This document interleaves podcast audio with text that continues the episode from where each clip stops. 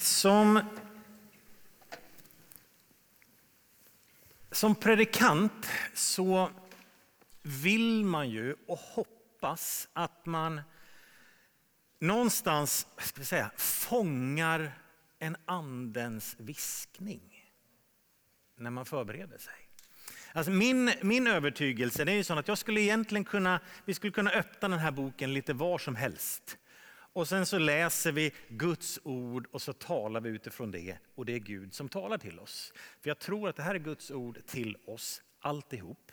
Och vi kan lära oss, vi kan lära känna Gud genom Guds ord. Eh, hela Guds ord. Men finns det vissa ord eller sammanhang som är mer aktuellt i vissa tider eller som talar in i våra situationer? Ja, men det tror jag. Och det någonstans är ju min längtan att fånga. I eh, Uppenbarelseboken så står det vid upprepade tillfällen, hör vad anden säger till församlingarna. Och jag tänker någonstans där hoppas jag att vi ska vara idag. Vi kan bara be en, en kort bön till och du vet hur ditt liv ser ut. Du vet vad du behöver, du vet vad du kämpar med. Du vet ingenting av vad som ligger framför, men du kanske oroar dig och undrar. Ska vi be att anden talar in i ditt hjärta, in i ditt liv idag. Herre, vi tackar dig att vi inte är utlämnade till att på egen hand få till livet. Herre, du har gett oss församlingen, din kropp, din familj, dina barn att tillsammans leva med dig. Men tack också att du heligande genom ditt ord talar in i våra liv. Och nu ber jag dig, gode far i himmelen, att du genom din ande på något sätt viskar in i våra liv. Herre, både till oss som gemenskap och till oss enskilt i våra liv där vi står med det som är både glädje och kamp, det som är svårt och det som går lätt. Herre, låt oss få höra din röst in i våra liv idag vi ber. Amen.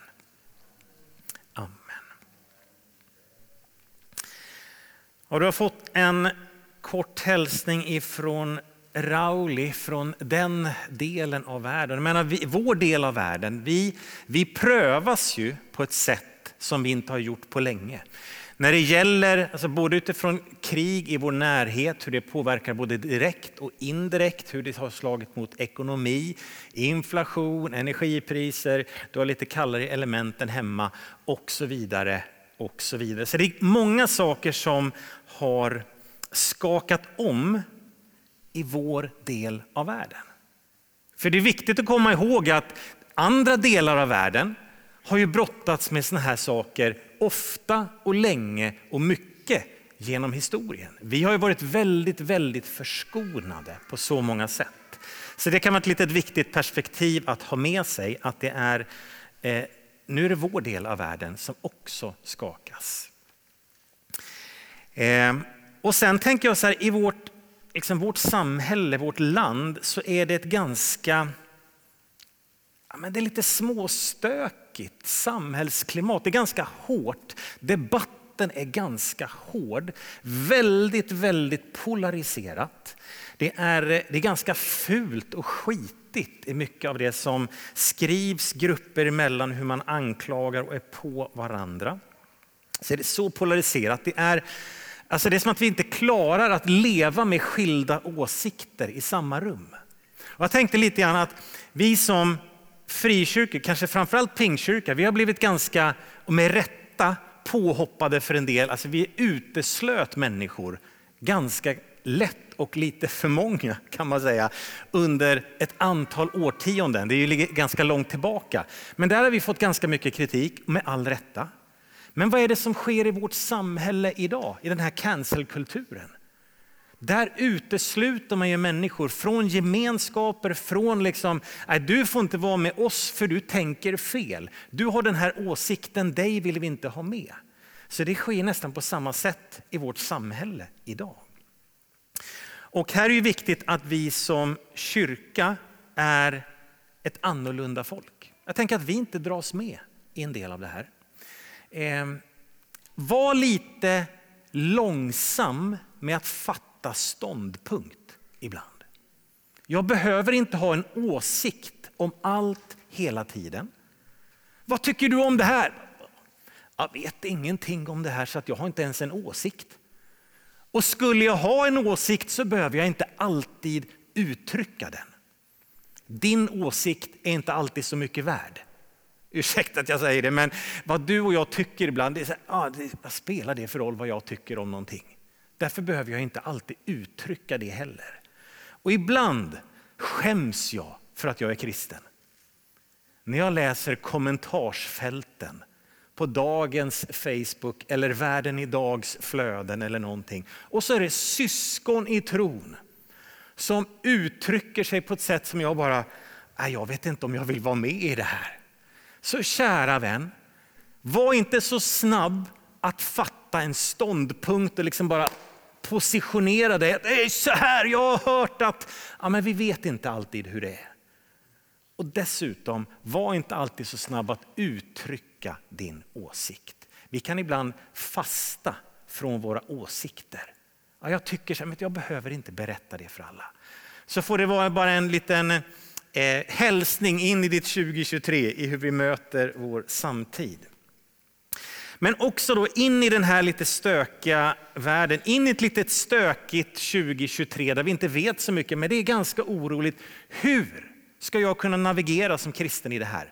Hur beter vi oss som kyrka? Hur lever vi i tron på Jesus? Och vi ska utgå ifrån ett sammanhang i Gamla Testamentet. Eh, Gamla Testamentet har ju många händelser, texter, bilder som talar om, pekar på det som ska komma. Som talar om Jesus, om ett nytt förbund, om ett nytt sätt att relatera till gudsfolket.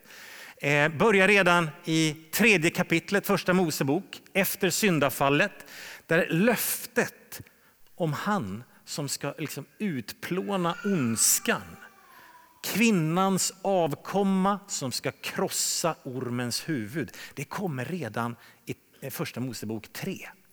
Sen kan vi läsa om, eh, liksom genom gamla testamentet, vi har Noa där människor räddas genom vattnet bland annat. Som fångas upp i nya testamentet som en bild på dopet. Vi har Jona i valfiskens buk som Jesus plockar upp och säger på samma sätt som Jona var i valfisken i tre dagar så ska människosonen också, han talar om sin död, tre dagar. Det finns mängder av löften, av bilder liksom som talar framåt mot det som ska komma.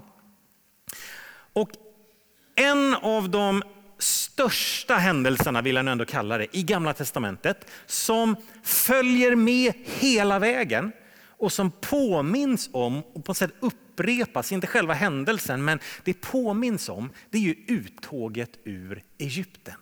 När Israels folk eh, hade varit i Egypten, det är ju Josef som kommer dit och drar med sig alla bröder, hela på något sätt, det som blir Israels folk. De växer till men förslavas av farao i 400 år och så dyker denne Mose upp, kallad av Gud, som säger Mose, eh, gå och befria mitt folk. Och sen så genom märkliga under och tecken och kamp och svårigheter så för Mose folket ut ur Egypten. Bland annat genom vattnet, också den när de går genom eh, Röda havet, också det är en bild på dopet. Att räddas på något sätt genom vatten från fienden och mörkret. Men den här händelsen, uttåget ur Egypten, det återkommer gång på gång i sådana här, glöm inte vad Gud gjorde. Kom ihåg hur Gud med uppsträckt hand befriade er från, liksom gång på gång på gång. Och hela påskfirandet är ju från den händelsen när de genom att ta blodet från ett lamm, de strök på dörrposterna, så räddades de från döden till livet. Och påsken fortsätter att firas och landar till slut, vadå? Vid det som idag är vårt nattvardsbord. Där vi påminns om hur Guds lamm på korset på något sätt stryker blodet över våra liv. Kom ihåg, glöm inte. Så den händelsen Ehm, är ju så viktig genom, det är som en röd tråd genom hela eh, Bibeln. Och i den här långa sekvensen som uttåget ur Egypten ändå är. Eh, för det är ju på ett sätt en liksom 40-årig resa blir ju till slut. Det var inte riktigt tanken från början, men det blev det. I den långa sekvensen så finns lagens givande på Sinai berg, alltså de tio budorden och så ett gäng andra bud.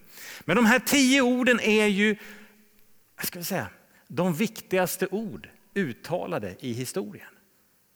Som på ett sätt är grunden för mycket av vår moderna civilisation. Och vi ska kolla lite grann på bara ska vi säga, sekvenserna. Det finns någonting viktigt här. Jag läste de här texterna här i höstas och det var någonting som satte sig, som jag inte riktigt kom ifrån och som har dykt upp igen här senare tid.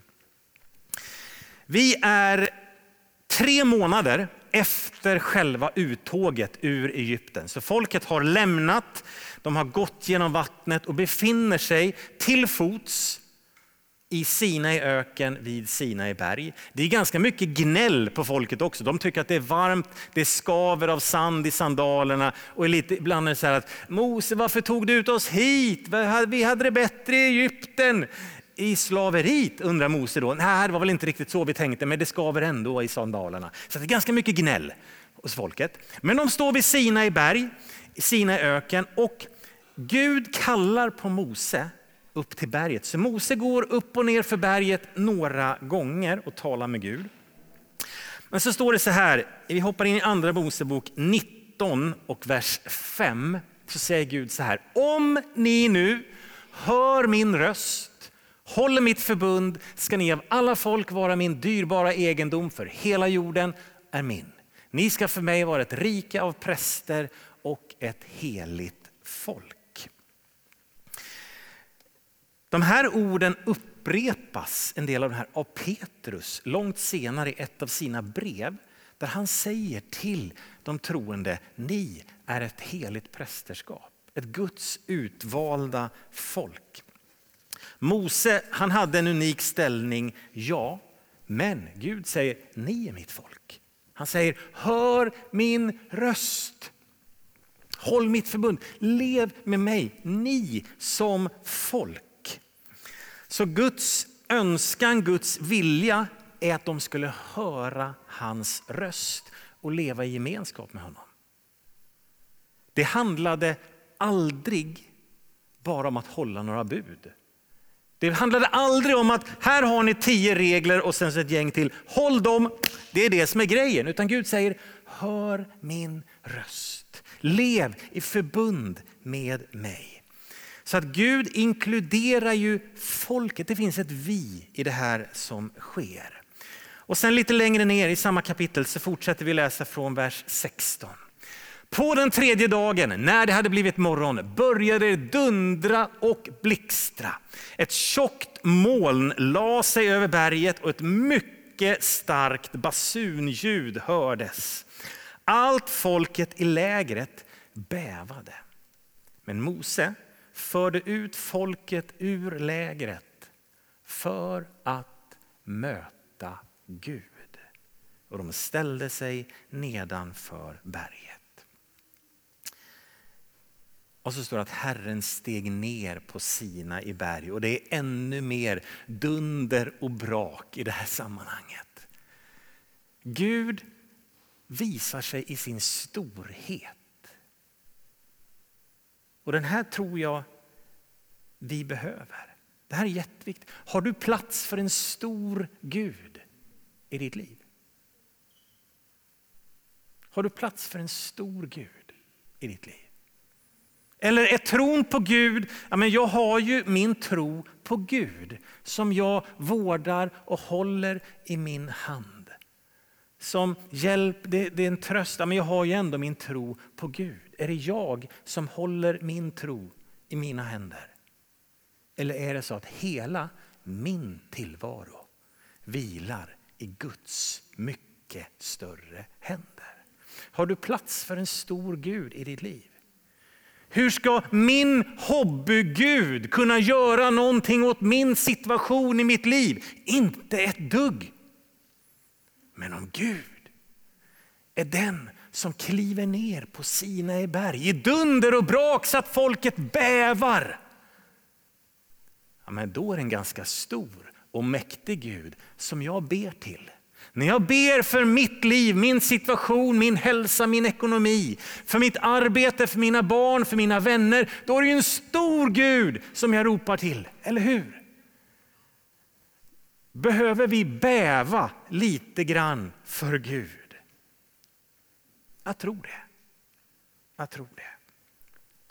Och så är det de här raderna, att Mose förde ut dem för att möta Gud.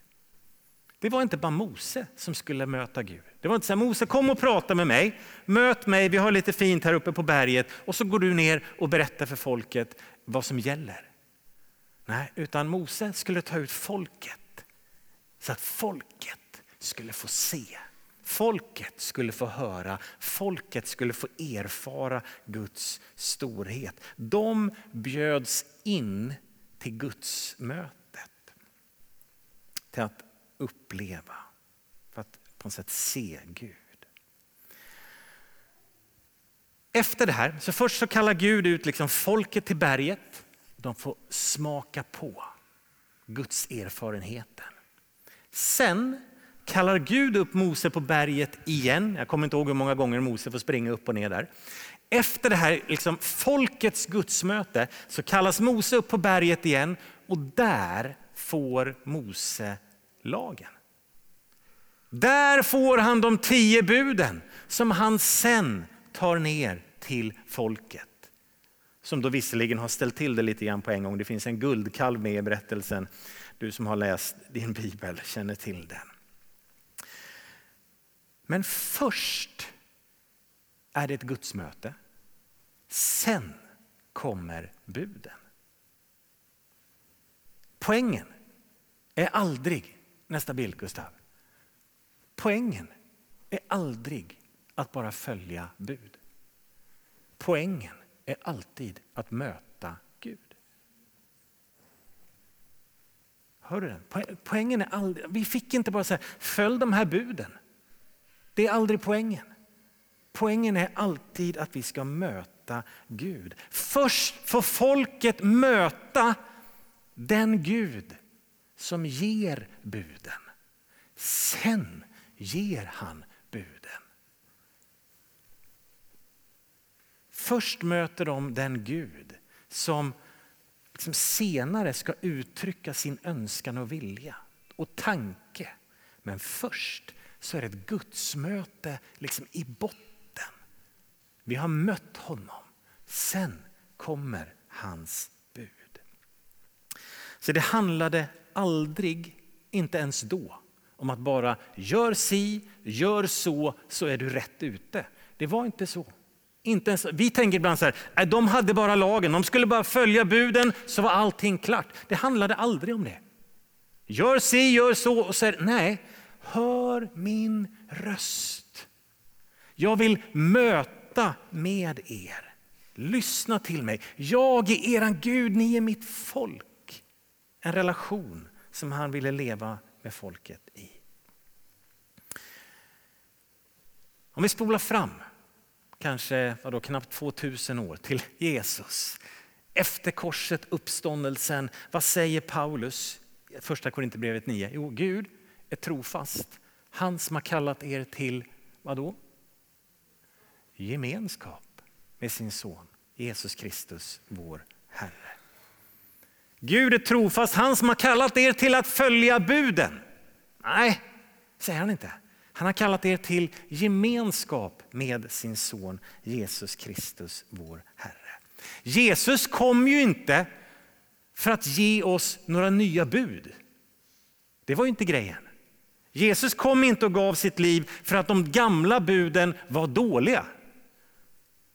Här får ni en ny uppsättning. Nej, Jesus kom ju för att genom sin död, sin uppståndelse, han återvänder till himmelen, sätter sig på fars högra sida, ger den helige ande liksom för att bjuda in oss till sitt hjärta till gemenskap med honom, till närhet till honom, till att lära känna honom, få smaka på hans godhet, hans nåd, till att möta honom.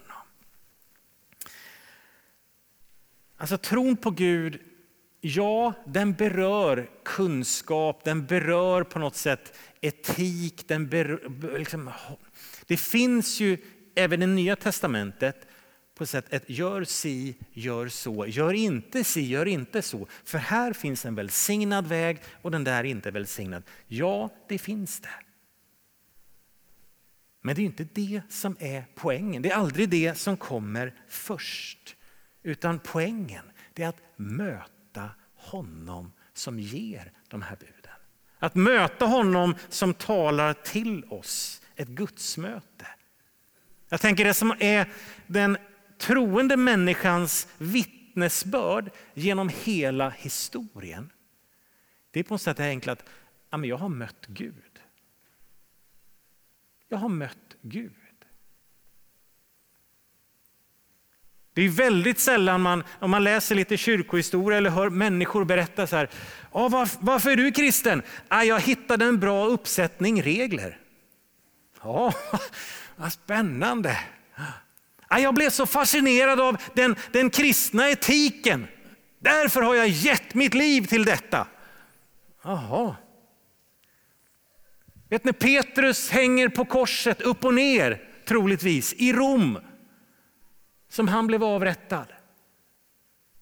Så skulle inte han säga att ah, det var en sån bra uppsättning regler vi fick. Det var en sån bra lista på livs, liksom, sätt att leva. Och så positivt. Det var inte det han gav sitt liv för. Eller hur? Utan han kunde ju säga, jag har ju mött Jesus. Det som är din berättelse, många av er, är ju att någonstans finns det ett, jag har mött Gud. Det har sett olika ut. Det är på olika platser, olika mycket. Liksom. Någonstans i botten så finns ju det här, jag har mött Gud. Sen Jesus han sätter ju ihop, vi kan ta nästa bibelord. Jesus sätter ihop buden liksom, med sig själv. Om ni älskar mig håller ni fast vid mina bud. Det är samma sak där. På sätt. Det är ju relationen med Jesus som gör att jag vill följa det han säger. För jag fattar att om han har gjort det här, om han älskar mig så, han har gett sitt liv för mig, ja, men då vill han ju mig väl. Alltså talar han gott för mig. Jag vill ju följa honom, jag vill lyda honom, jag vill på något sätt hedra och ära honom, lyssna till honom. Därför vill jag följa hans bud. Om ni älskar mig kommer ni hålla mina bud. Det börjar på något sätt i mötet med honom hela tiden. Det är det som är grunden för det. Och jag tänker så här, en, min tro in i 2023, in i lite skruvad tillvaro, lite stökig tillvaro som vi har just nu. Tänka så här, den tro som jag bär, den kommer inte ge mig kraft och styrka och liv som jag behöver.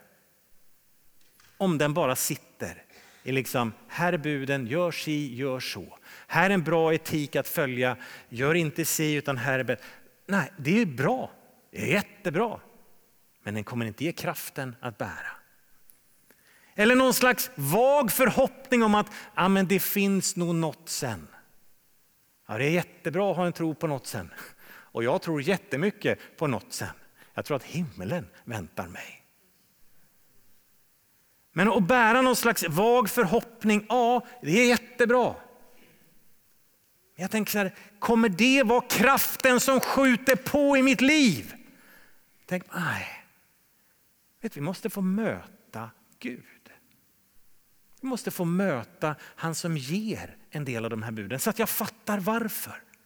Vi måste få möta honom, den Gud som kom i dunder och brak. Så att folket bävade. Har du bävat inför Gud någon gång? Kanske lite för sällan. Jag tänker att vi måste, ha en, vi måste se en stor Gud.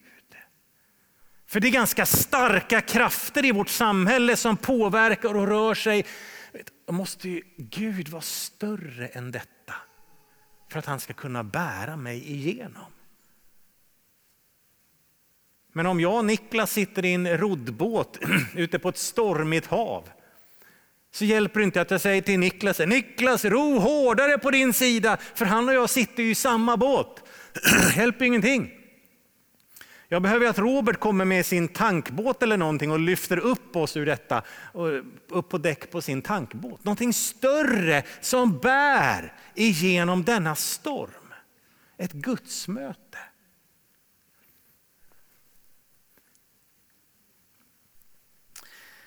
Du som är här idag som inte kallar dig kristen. Du kanske inte har sagt ja till Jesus. Du säger, ja, men jag, typ, ja, men jag lite, ja, det kan vara. Vet du, som, men du har inte sagt ja till Jesus. Vet du, du erbjuds inte en samling goda läror. En god etik, ett gott program att leva efter. Ja, det är ett gott program att leva efter, men det är en, en bisyssla, eller på säga. det är en, en frukt av det. Det är inte en grej som du bara, liksom, ja, det är lite bra tankar, vi försöker vara lite goda och så ja, finns nog något. Det är inte det du erbjuds. Utan på något sätt, det, det vi kan peka på, det är liksom, du kan få möta Gud. Du kan få möta Gud.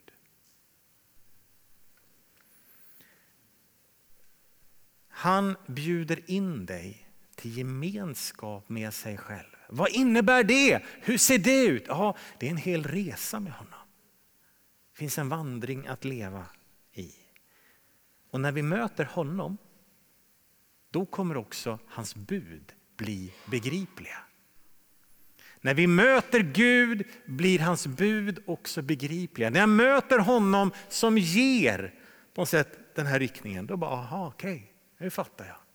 Åtminstone de flesta bud blir lite begripliga.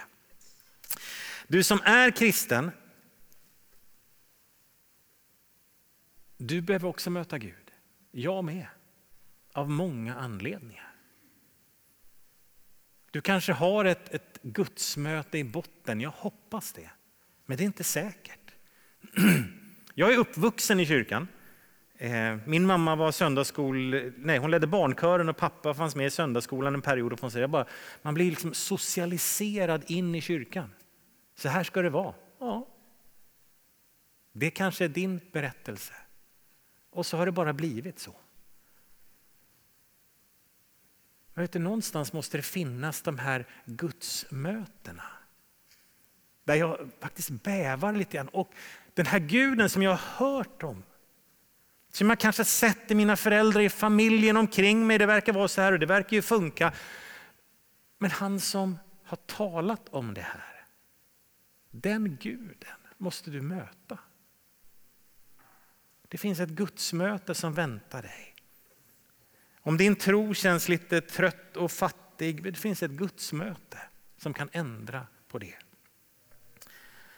Du som tycker att det är stökigt i vår tid och försöker mest parera tron. Bara, ah, hur ska jag få ihop? Och kristen tro verkar funka så oerhört dåligt i Sverige 2023. Det stämmer ju inte alls någonstans, jag får inte ihop det. Och du kanske funderar på att släppa taget ah, jag skiter i det här med tro. Jag struntar i kyrka. Och du är på väg att backa ut. Du kanske har börjat släppa engagemang, släppa delaktighet. Jag får inte ihop det. Och vet du, om tron bara är att följa någon slags mönster. Om tron bara är, sitter här, liksom, gör si, gör så. Vet du, då säger jag till dig, ja, dra och jag kommer följa efter.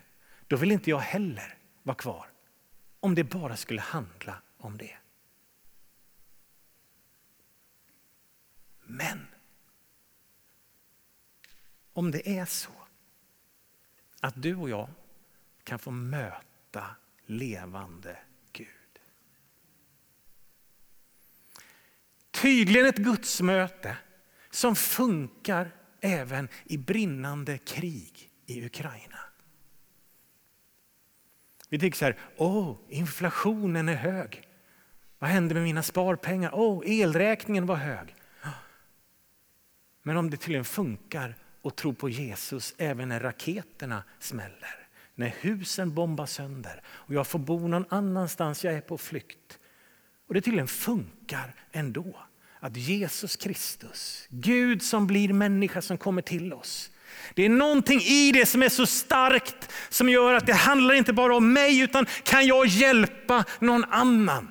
Var får du kraften ifrån? Hur kan kyrkan i Ukraina tänka på att nu ska vi starta en till kyrka? Och vi blir lite upptagna med inflationen. Känner du att det liksom, vi kanske behöver möta Gud någonstans för det, det behöver träffa. Vi kan få möta Gud, du kan få smaka och se, du kan få höra honom. Du kan få beröras, komma lite nära och kanske bäva ibland. Bibeln talar ganska mycket om gudsfruktan som vi talar ganska lite om. Jag tänker det folket upplever vid Sina i berg. Mose för ut dem och så börjar det mullra och dundra och det blixtrar och de bara, vad är det som händer? Jag tror att det är ganska många som faller ner på sina knän och säger Gud förbarma dig över oss. När Jesaja, profeten, kallas av Gud. Han får komma nära och se lite grann in i det himmelska. Vad gör han? Han säger inte, Åh tjena Gud, är det du? Utan han, han faller ner och säger, ve mig Gud, jag har orena läppar. Jag bor bland ett folk med orena läppar. Alltså han fylls av en Guds fruktan. Det är en bävan. För vet du, Gud ryms inte i dina händer. Men ditt liv ryms i Guds. Du kan, du får, du bjuds in att möta Gud. Och när vi gör det, då ser vi. Då finns det ingenting större, ingenting viktigare på den här sidan evigheten.